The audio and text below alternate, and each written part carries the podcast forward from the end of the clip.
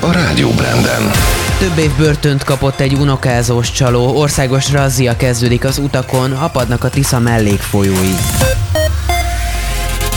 Üdvözlöm Önöket, Varga Zalán vagyok. A védőoltások fő célja megakadályozni a súlyos esetek kialakulását, a kórházi kezelést. Erre mindegyik vakcina megfelel, erősítette meg ismét az országos tisztifőorvos. Müller Cecília az operatív törzs tájékoztatóján emlékeztetett arra, hogy óriási tempóban halad előre a járvány Európában és Magyarországon is. Új tapasztalat, hogy a tünetek kezdetét követő néhány órán belül lehet nagyon súlyos a betegség lefolyása, és kerülhet kórházba a beteg. Tömeges oltás lesz a hétvégén, a 60 év alatti krónikus betegek kapják meg az első adag koronavírus elleni vakcinát, jelentette be Dömötör Csaba, a miniszterelnöki kabinetiroda parlamenti államtitkára.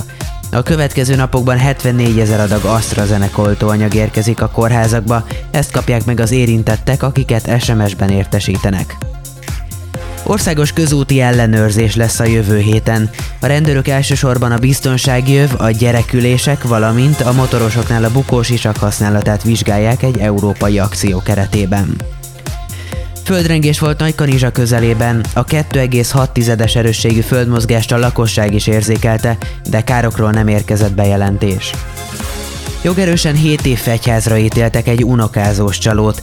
A férfi többeket becsapott az ismert módszerrel, vagyis idős emberektől kért pénzt arra hivatkozva, hogy közeli hozzátartozójuk balesetet szenvedett. A vádlott ráadásul magát rendőrnek kiadva találkozott a sértettekkel, akiktől összesen több mint 9 millió forintot vett át.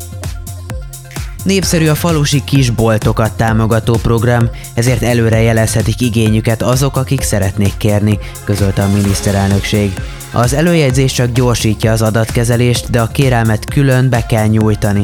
Jelentkezni a Betlen Gábor alapkezelő ZRT honlapján lehet, ahol elérhető a falusi kisboltok támogatásáról szóló tájékoztató is.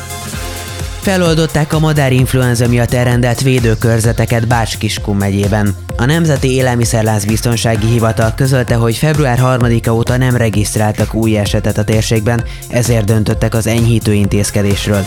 Jövő héten a megfigyelési körzetek feloldása is megtörténhet, ezzel újraindulhat a szállítás belföldön és az Európai Unió irányába is.